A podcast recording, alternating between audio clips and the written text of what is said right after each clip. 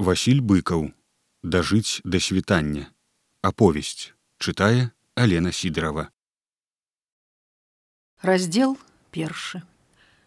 Ўсё спрачацца не будзем стройце людзей сказаў ивановскі дзюбіну і выйшаў з-за вугла пуні. Даўганогі худы нязграбны ў сваім белым абвіслым маск-халаце старшына дзюбін памкнуўся нешта сказаць але змоўчаў. У снегавым змроку блізкая ночы было відаць як незадаволена перасмыкнуўся яго цёмны ад сцюжы і ветру заўчасна зморшчаны твар. Пасля каротенькай паўзы, якая засведчыла яго маўклівую нязгоду з лейтенантам, старшына рэзка ступіў па ледзьве азначанай у снезе сцяжынцы да старанна прычыненых дзвярэй пуні. Цяпер ужо зачыняць іх не было патрэбы.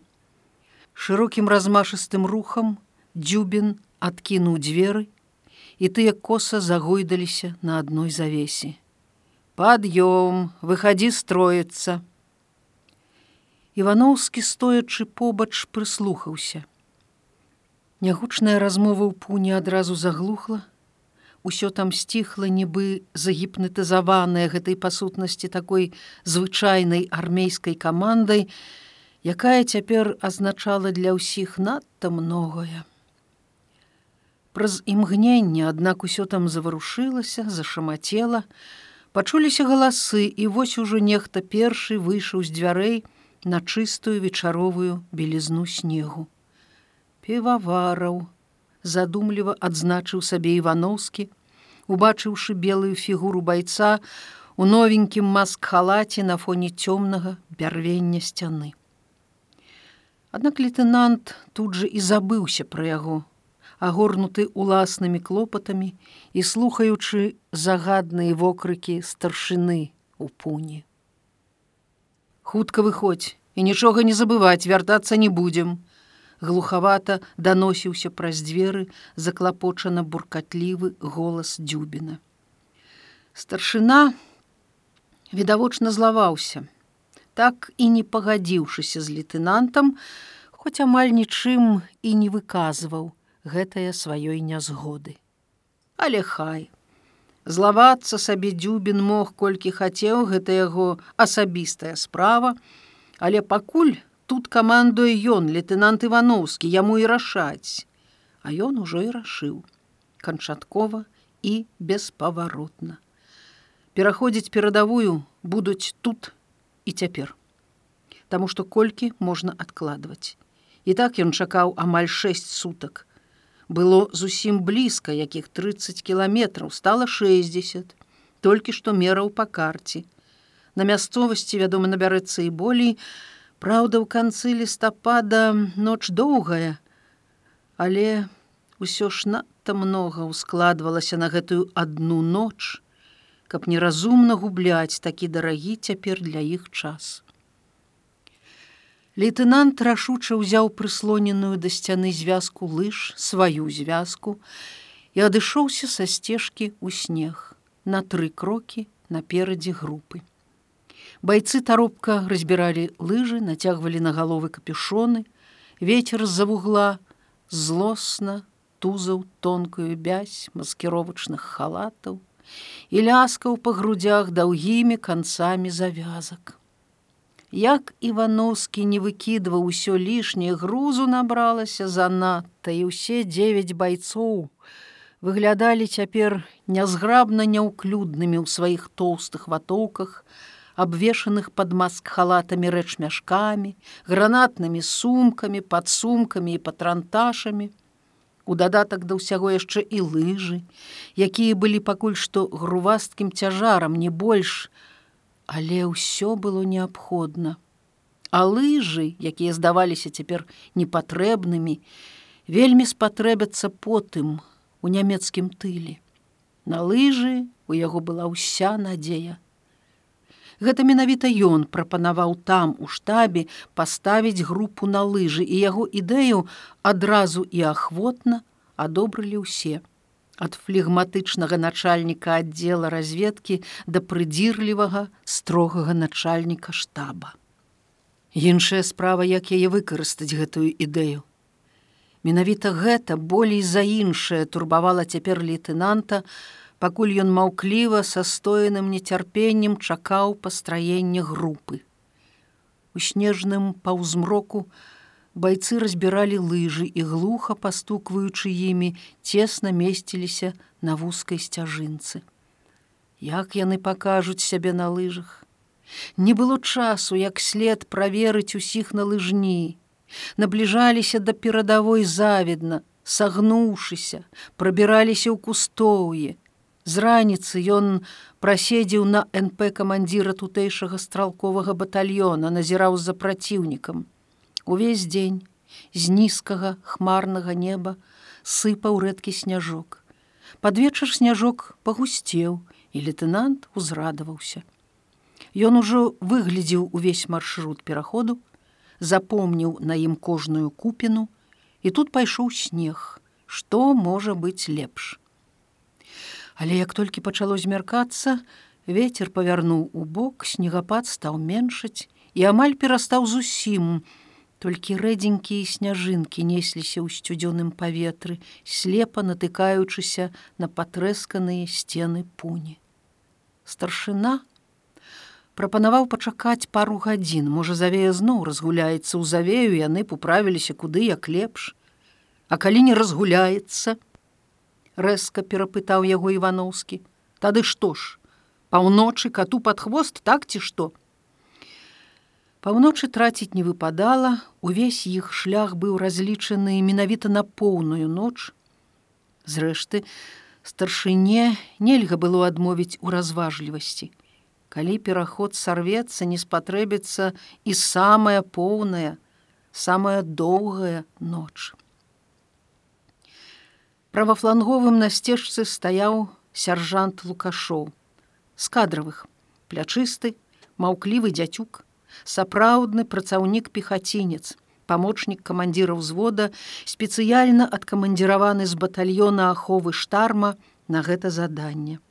Ва ўсім яго абліччы нетаропкіх і дакладных рухах было нешта упэўненае, дужае і надзейнае. Побач уладкоўваўся на сцяжыне таксама узяты стралкоў баец хакімаў. Хоць яшчэ і не было ніякай каманды, на смуглявым твары яго з цёмнымі бровамі ўжо з'явілася ўвага да камандзіра. Вінтоўка ў адной руцэ, а лыжы ў другой роўненька стаялі ля ног поплеч з ім, папраўляючы сваю ношу ўзрыўчаткі, стаў баец суднік, малады яшчэ хлопец падрыўнік, рухавы і даволі спрытны на выгляд. Ён адзін з нямногіх сам папрасіўся ў групу, пасля таго, як у яе быў залічаны ягоны саслужывец сапёр шалудзяк, з якім яны разам займаліся абсталяваннем КП штарма. Івановскі не ведаў, які шалудзяка падрыўнік, але лыжнік з яго аказаўся няважны гэта. Адчувалася ў самым пачатку, мітуслівы і мешкаваты, гэта сорокагадовы дзядзька яшчэ не паспеўшы стаць у строй, ужо разваліў сваю звязку. Лыжы і палкі раз'ехаліся канцамі ва ўсе бакі. Баец пахапіўся збіраць іх, упусціў у снег вінтоўку, не мог як трэба звязаць? Ступіў да яго дзюбін. А ну дай сюды. Вы на лыжах. Як ходзіце? Адчушы нядобрае запытаў ивановскі я ды так хадзіў некалі. Некалі. З раздражненнем падумаў лейтенант чорт возьми здаецца падабралі групу. Зрэшты яно і зразумела трэба было самому ўсіх апытаць, пагутарыць з кожным паасобку, кожнага праверыць на лыжні, але самому не было калі. Сам два дні правалэндаўся ў штабе ў начальніка разведкі, пасля у камандуючага артылерыяй, у палітаддзелі, у асобым аддзелі. Групу падбіралі іншыя без яго, а вядома, як падбіраюць для некага хутка цямнела. Наступала сцюдзёная ноч. Снегапад канчаткова пераставаў, і лейтенант заспяшаўся. Дзюбін, здавалася, надта доўга пракорпаўся з лыжамі гэтага шалудзяка, пакуль звязаў іх. Насупраць, у цярплівым чаканні, азначаным на цёмных пад капюшонамі тварах, стаялі яго байцы. За шалудзяком высіўся краснакуцкі, мажны прыгажун у вастраверхім, як і ў дзюбе на шлеме будзёнаўцы. Побач застыў даўгашыі кудравец і ля яго непрыкметны маўклівы заяц. Апошні на сцежцы стаяў, напэўна, самы малады тут, баец півавараў. Лейтенант недастаткова ведаў іх тых, з кім неўзабаве прыйдзецца яму падзяліць славу або смерць але выбару ў яго не было. Вядома, было б куды лепш адправіцца на такую справу з добразнаёмымі, выпрабаванымі ў баях хлопцамі, але дзе яны, тыя яго добразнаёмыя хлопцы. Цяпер цяжка ўжо і прыпомніць усе вёскі, магільнікі, усе ляскі і пагоркі, дзе ў брацкіх і адзіночных магілах пазаставаліся яны, яго батарэйцы. За пяць месяцаў вайны ўцалела няшмат. Тыдзень назад з ім разам прабілася цераз лінію фронту ўсяго чацвёра.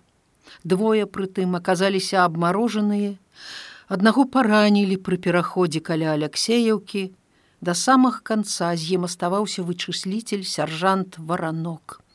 Гэты варанок вельмі спатрэбіўся б цяпер, але, Івановскі не мог адшукаць яго. Вычысліцеля адправілі ў стралковы батальён на перадавую, адкуль, як вядома, не ўсе вяртаюцца.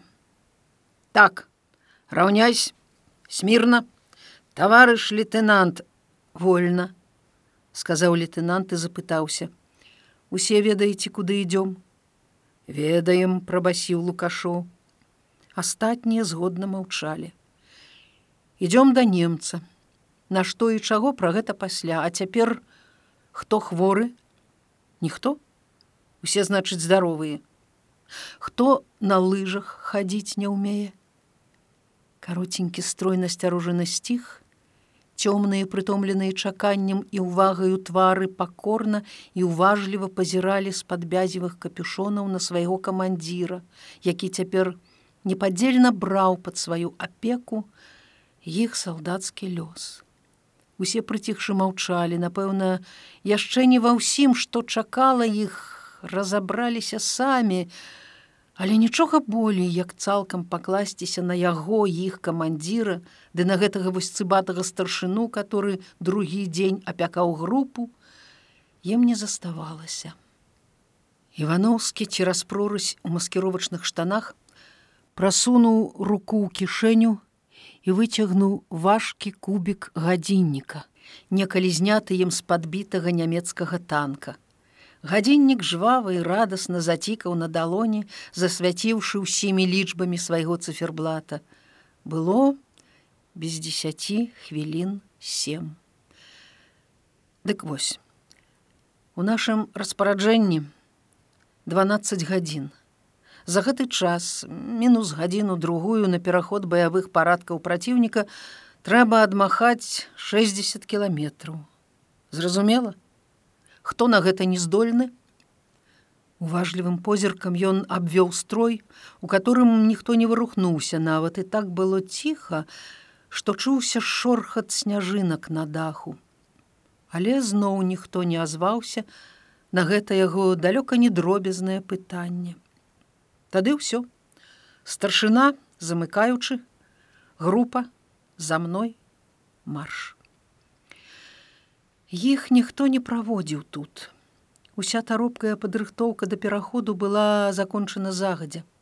Гадзіну назад на КП камандзіра стралковага батальёна яны дамовіліся, што батальён будзе маўчаць, каб не насцярожваць немцаў і яны пастараюцца прышмыгнуць незаўважанымі ў шэрым паўзмроку.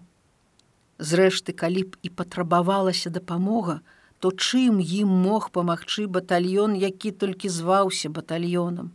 А на справе складаўся са стралковай роты, не больш, якім, дарэчы, і камандаваў нядаўні ротны, старшы лейтенант кулямётчык. У крайнім выпадку ён абяцаў прыкрыць іх агнём, хоць гэта і было вымушанае абяцанне, паколькі таго патрабаваў капітан з разведаддзела штарма, который прысутнічаў тут. Але капітан пабудзе ды пойдзе, а батальёну ваяваць далей, боепрыпаса ўжо ў яго не густа, і начальство патрабуе берагчы іх для болей важнага выпадку.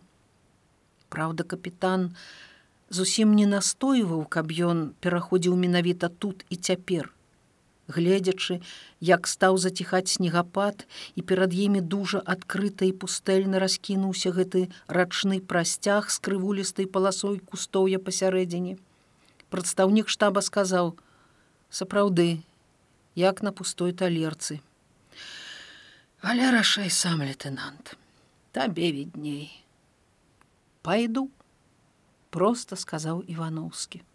Што ж, твоя справа, можа яно і лепш, сунуцца туды, дзе не чакаюць. Чорт іх ведае, дзе яны не чакаюць, не запытаеш, заклапочана падумаў лейтенант, Але ён не мог больш адкладваць у той справе, дзеля якой яны адпраўляліся. Прамаруджанне сапраўды было падобна на смерць. А ён і так ужо прамарудзіў звыш меры, хаця, канечне, і не па сваёй волі.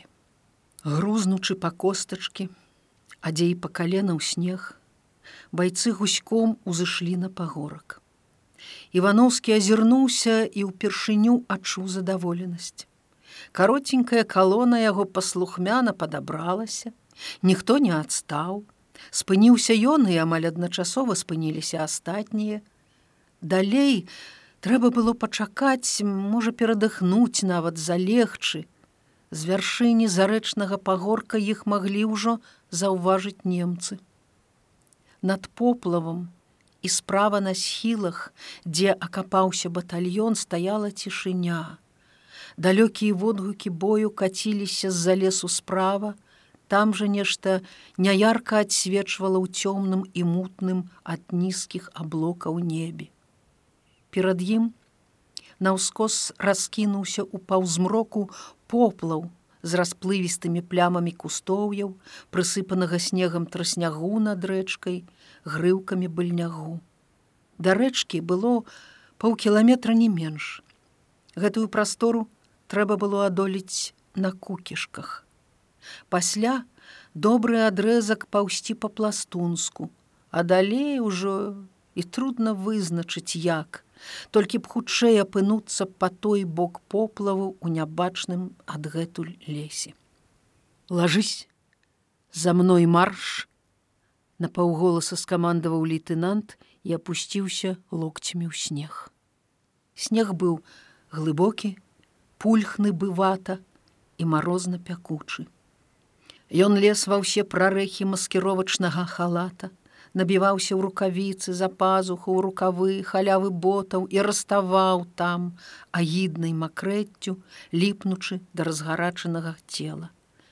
Гэтае яго макрэць, аднак хутка грэлася ў перамежку з потам было душна, парна, задушлівая знямога горычшу распірала грудзі, Івановскі зубамі здёр з рукі рукавіцу і мокрымі пальцамі рассмыкнуў матузок капюшона. Твару стала вальней прахалодней, галоўнае адклала вушы. Ён пачуў шорхат ветру ў быльнягу і невыразныя разрозненыя гукі ззаду. Прапаўзлі яны, мабыць, з паўкіламетра, пагорачак з сасняком ледзьве шарэў ззаду на краі начнога змрочнага неба, якое ў зімовых прыцемках амаль злівалася са снегавым долам. Следу баразны, пракладзенай іх дзесяццю целамі, на шчасце не было відаць нават зблізку, зрэшты, як і саміх байцоў. Праўда, Івановскі ведаў, што варта ўзляцець ракеце, як нібы на далоні стане відаць і снег, яны самі. Пакуль, аднак, было ціха і цёмна. Бой рухацеў за ляском у баку, На краі неба з вечара шырокім агнявым сполахам блізка лазарніца далёкая кананады, і прамерзлая зямля пад іх локцямі глуха няспынна дрыжэла. У тым жа баку за лесам, раз за разам пырхалі жоўтыя зоркі ракет і гаслі ў мутнай мешаніне святла са змрокам. Але яны былі далёка тыя ракеты трэба было як найхутчэй рухацца далей.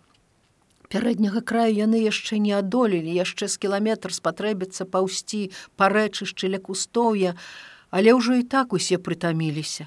Група спакваля расцягнулася.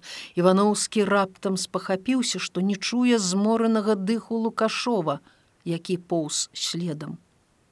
Лейтенант азірнуўся і пачакаў хвіліну, адпачуваючы сам хоць ведаў, што трэба як мага хутчэй, бо толькі ў хуткасці і непрыкметнасці іх поспех.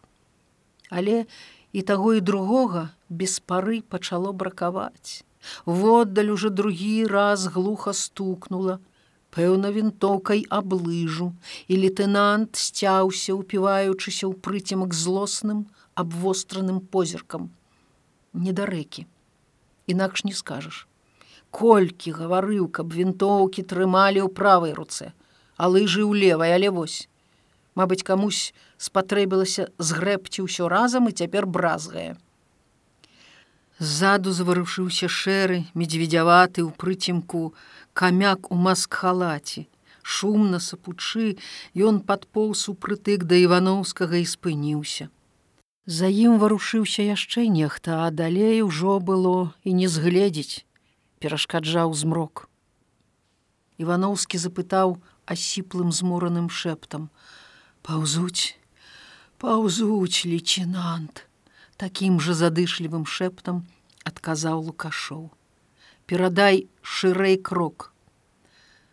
У лагчынцы снег стаў яшчэ глыбейшы.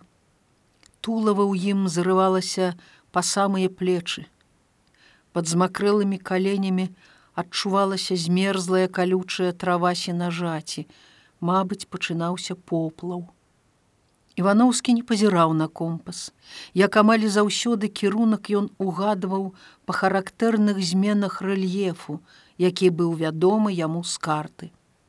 Тут скрозь трэба было кіраваць нізам, да рэдкага кустоўя абапал рачулкі.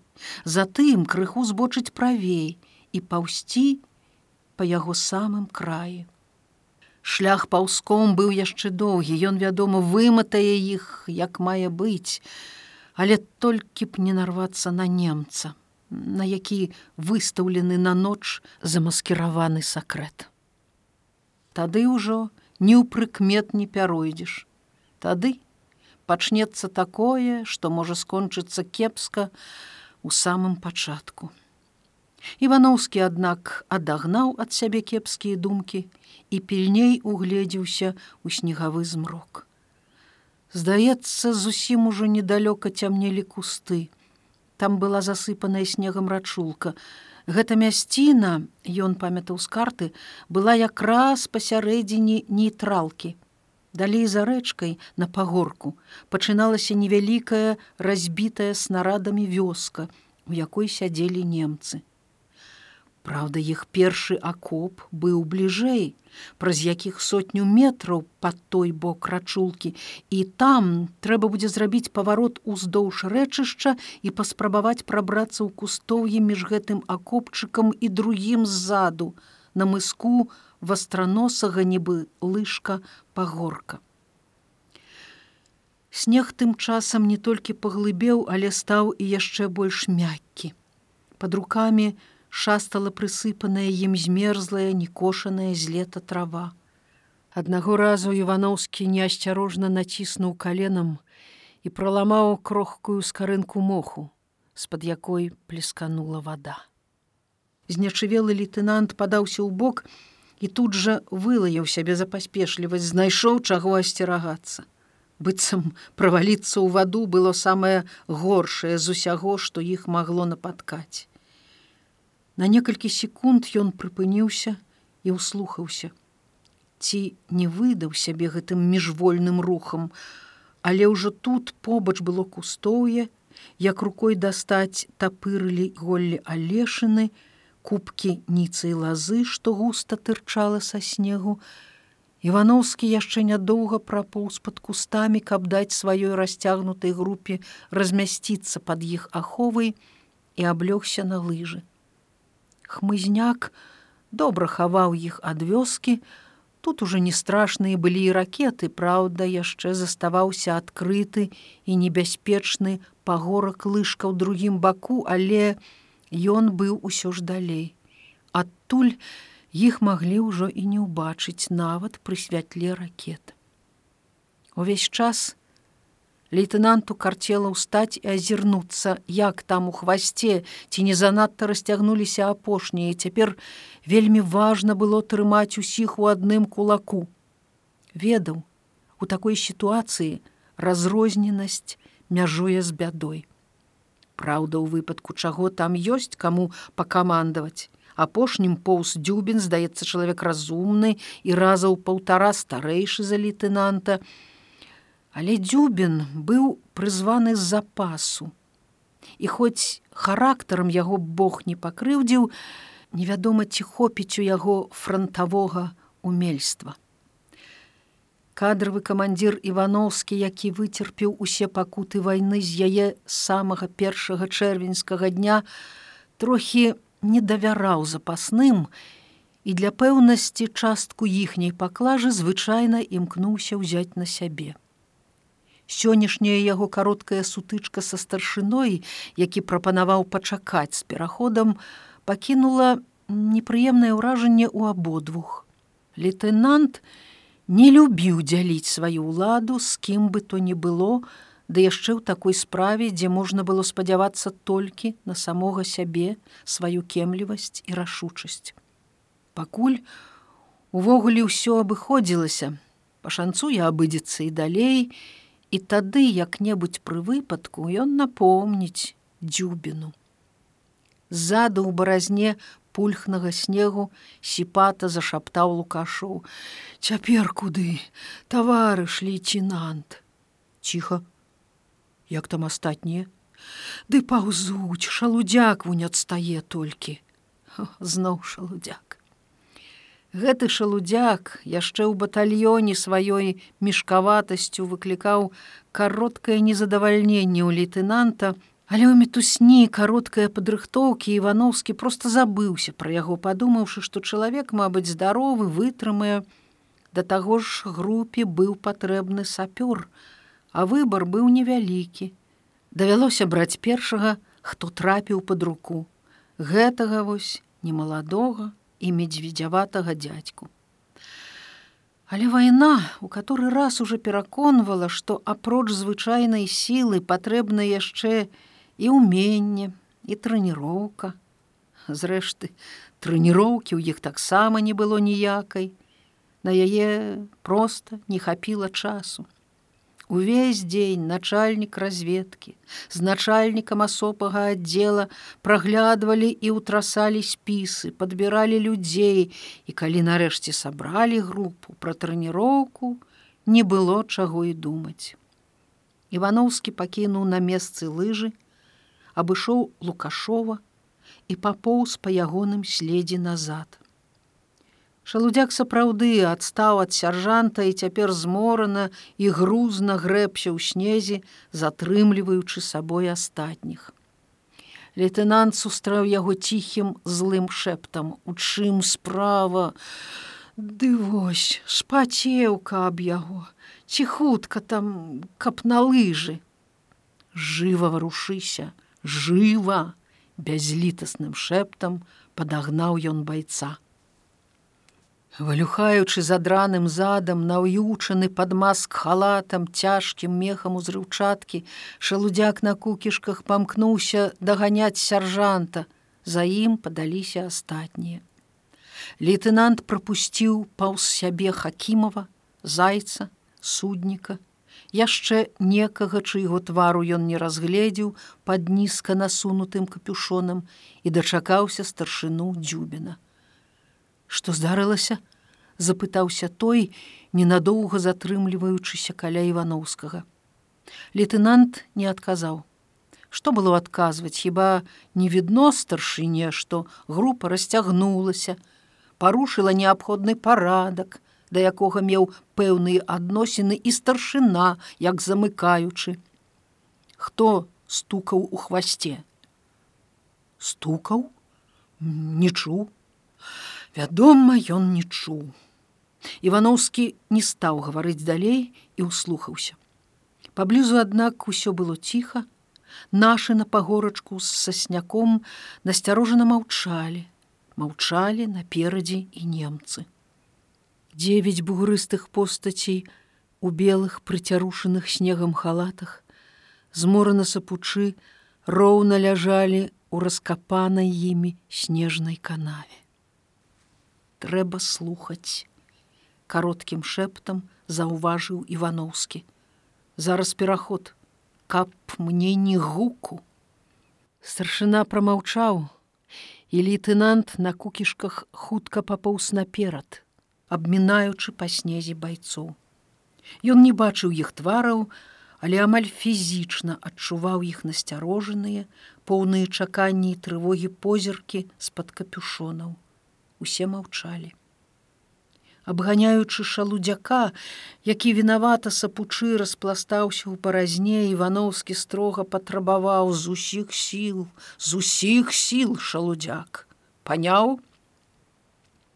Лейтенант выпаўз у галаву сваёй цяпер ужо сабранай у адно пластунскай калоны і зноў пагробся ў самым глыбокім снезе на краі кустоя адной рукой ён валок лыжы другой аўтамат Сумка з аўтаматнымі дыскамі ўсё з'язджала са сцягна на жывот, і ён раз-пораз адкідваў яе за спіну.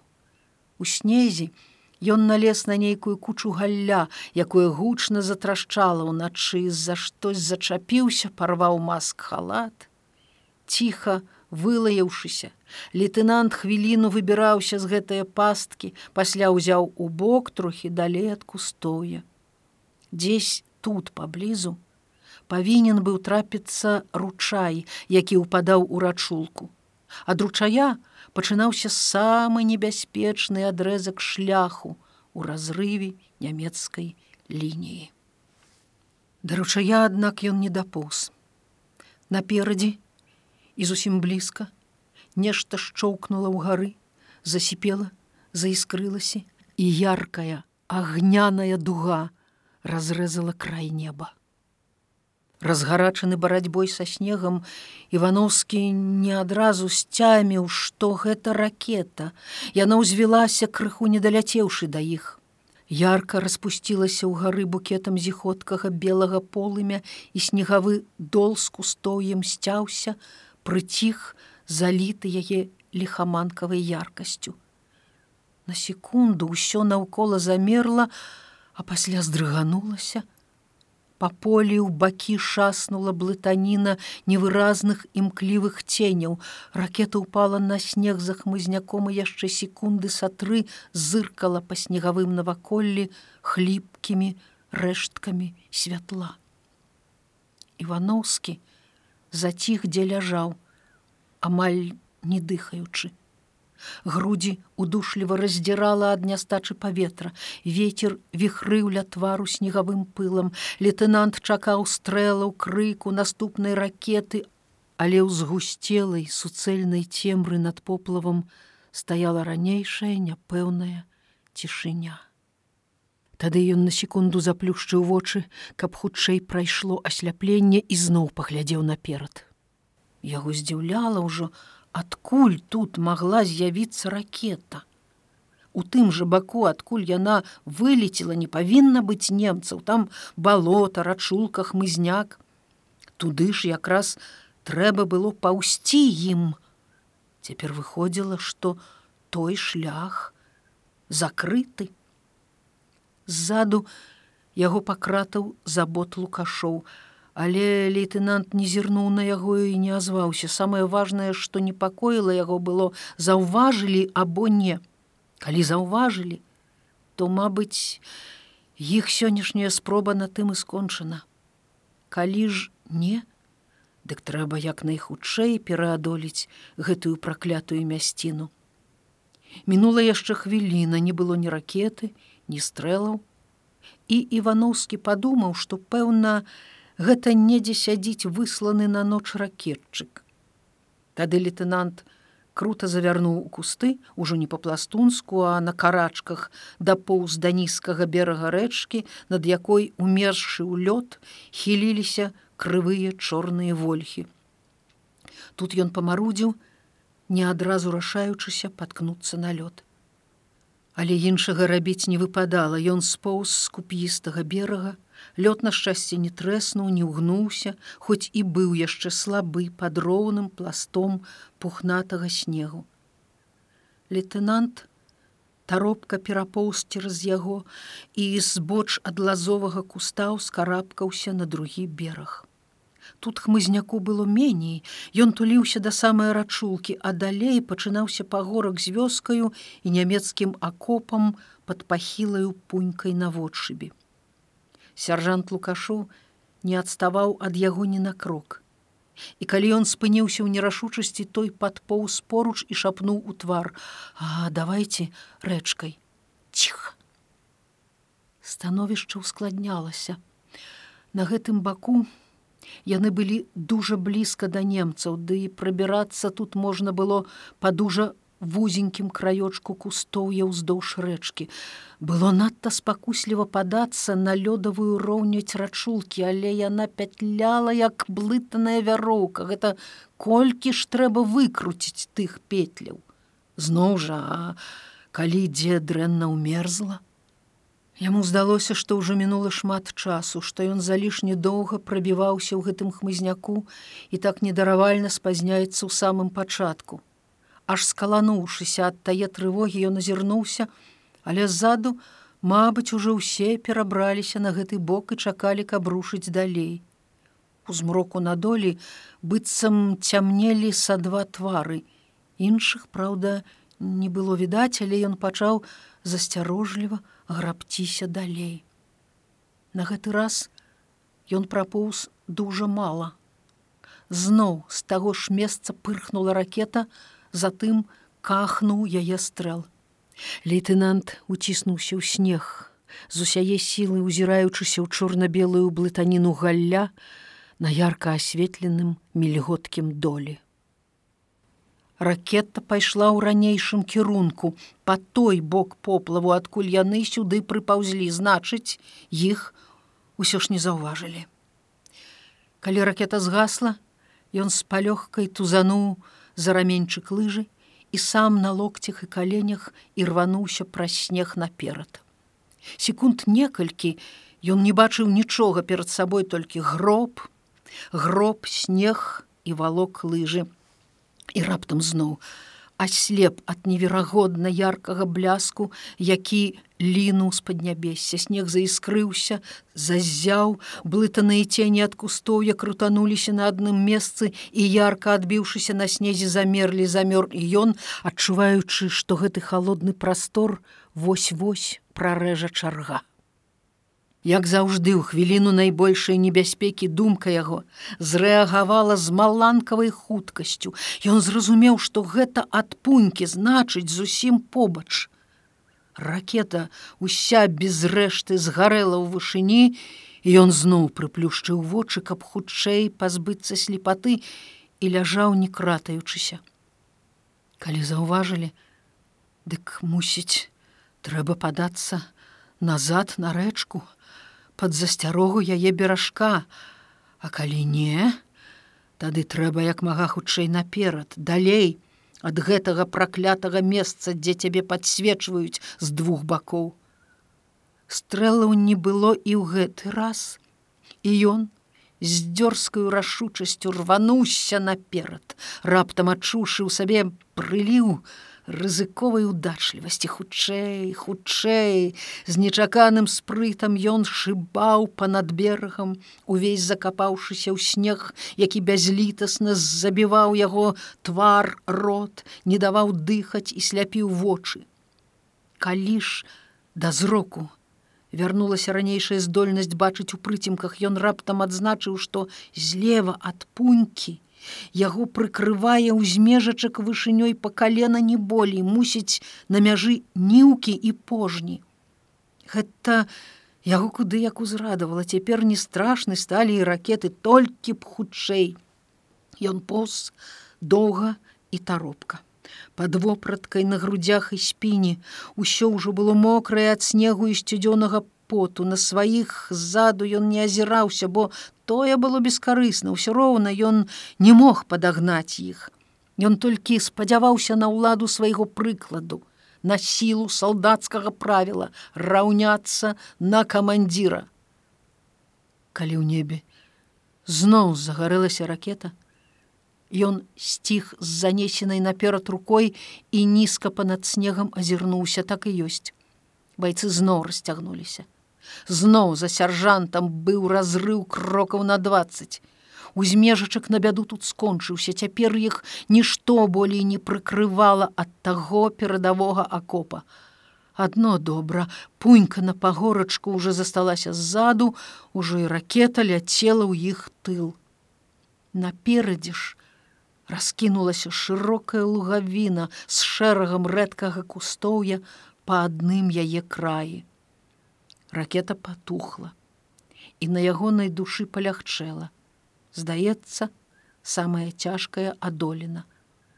Гэта было так прыемна адчуць, каротенька і стрымана радасна, але не паспеў ён зноў выкінуць наперад сваю звязку лыж, як у той жа час вымушаны быў тыцнуцца галавой у снег, зусім блізка ззаду, недарэчна і неверагодна гулка бахнуў вінтовачны стрэл.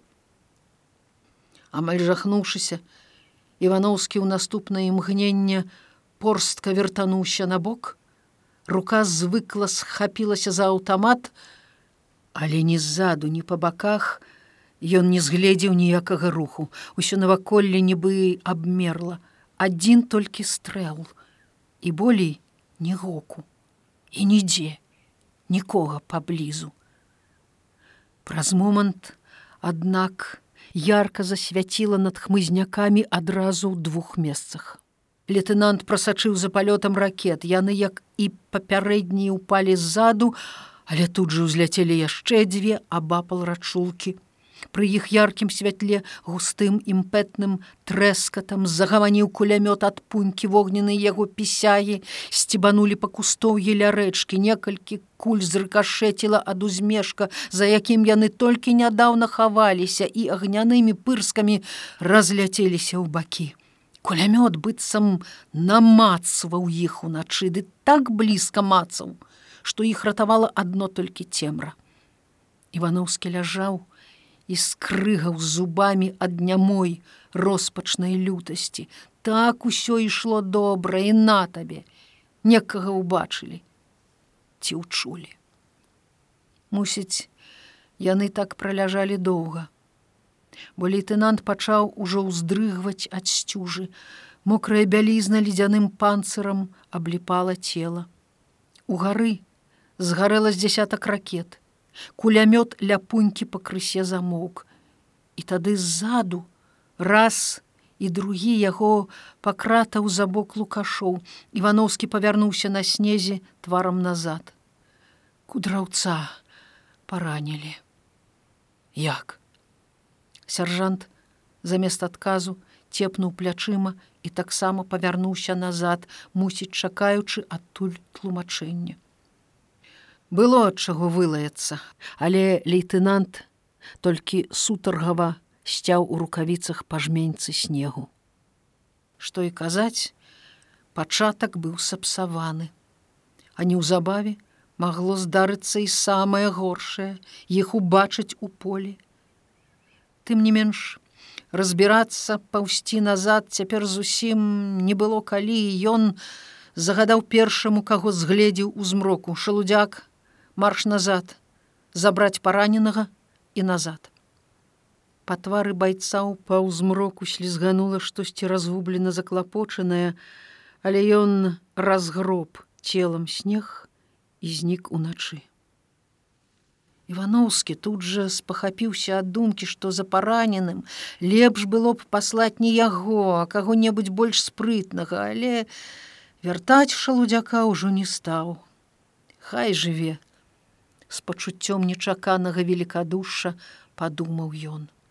Не кожнаму выпадае такое, але гэты стары, напэўна, болей за іншых мае права, каб выжыць усё ж бацька, дома трое дзяцей а гэта нешта ды значыць.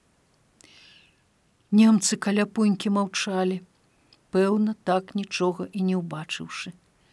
Зрабілася ціха, толькі за лесам усё гурчэла, варочалася і стагнала далёкая гарматная калатнеча.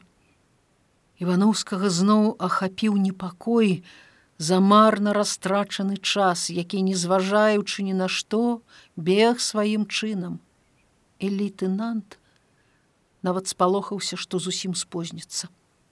Па праўдзе, ён не прадбачыў столькі нечаканасцяў у самым пачатку і цяпер падумаў нявесела: ага, А што яшчэ будзе? Івановскі рвануўся наперад, але не прапоўз і дзесяці крокаў, як зноў прыпаў да зямлі, ратуючыся ад потоку імклівых трас, што мільганулі наўкола распластаны на снезе. Лейтенант угледзеўся ў той бок дзе ледзьве прыкметным бугорчыкам цямнела на снезе будыніна і жвава памкнуўся назад пад ахову ўсё таго ж маленькага ледзьве прыкметнага ўначы ўзмешка. Усё ж таки напэўна іх згледзелі. У гары з шыпеннем і трэскам шматалі неба ракеты, а кулямётныя трасы агняна блізкаючы ў цемры секлі, нізалі, узбівалі снег якраз на іхнім шляху з-за ўзмешка. І што б там не стала, трэба было выслізнуць з гэтыя пасткі, але па ярка асветленым полі гэта было немагчыма. Здаецца, яны папаліся як мае быць і надоўга. Добра яшчэ, што ім трапіўся гэты ўзмежачак, нібы пасланы Богам для іх паратунку. Ён хаваў іх ад кулямётнага агню з пагорка, але колькі можна хавацца. Тым часам усе нерухома і моўчкі ляжалі, чакаючы яго рашэння і яго камандзірскага дзеяння. І ён надумаў адзіна магчымая. Гранатамі, закідаць кулямёт.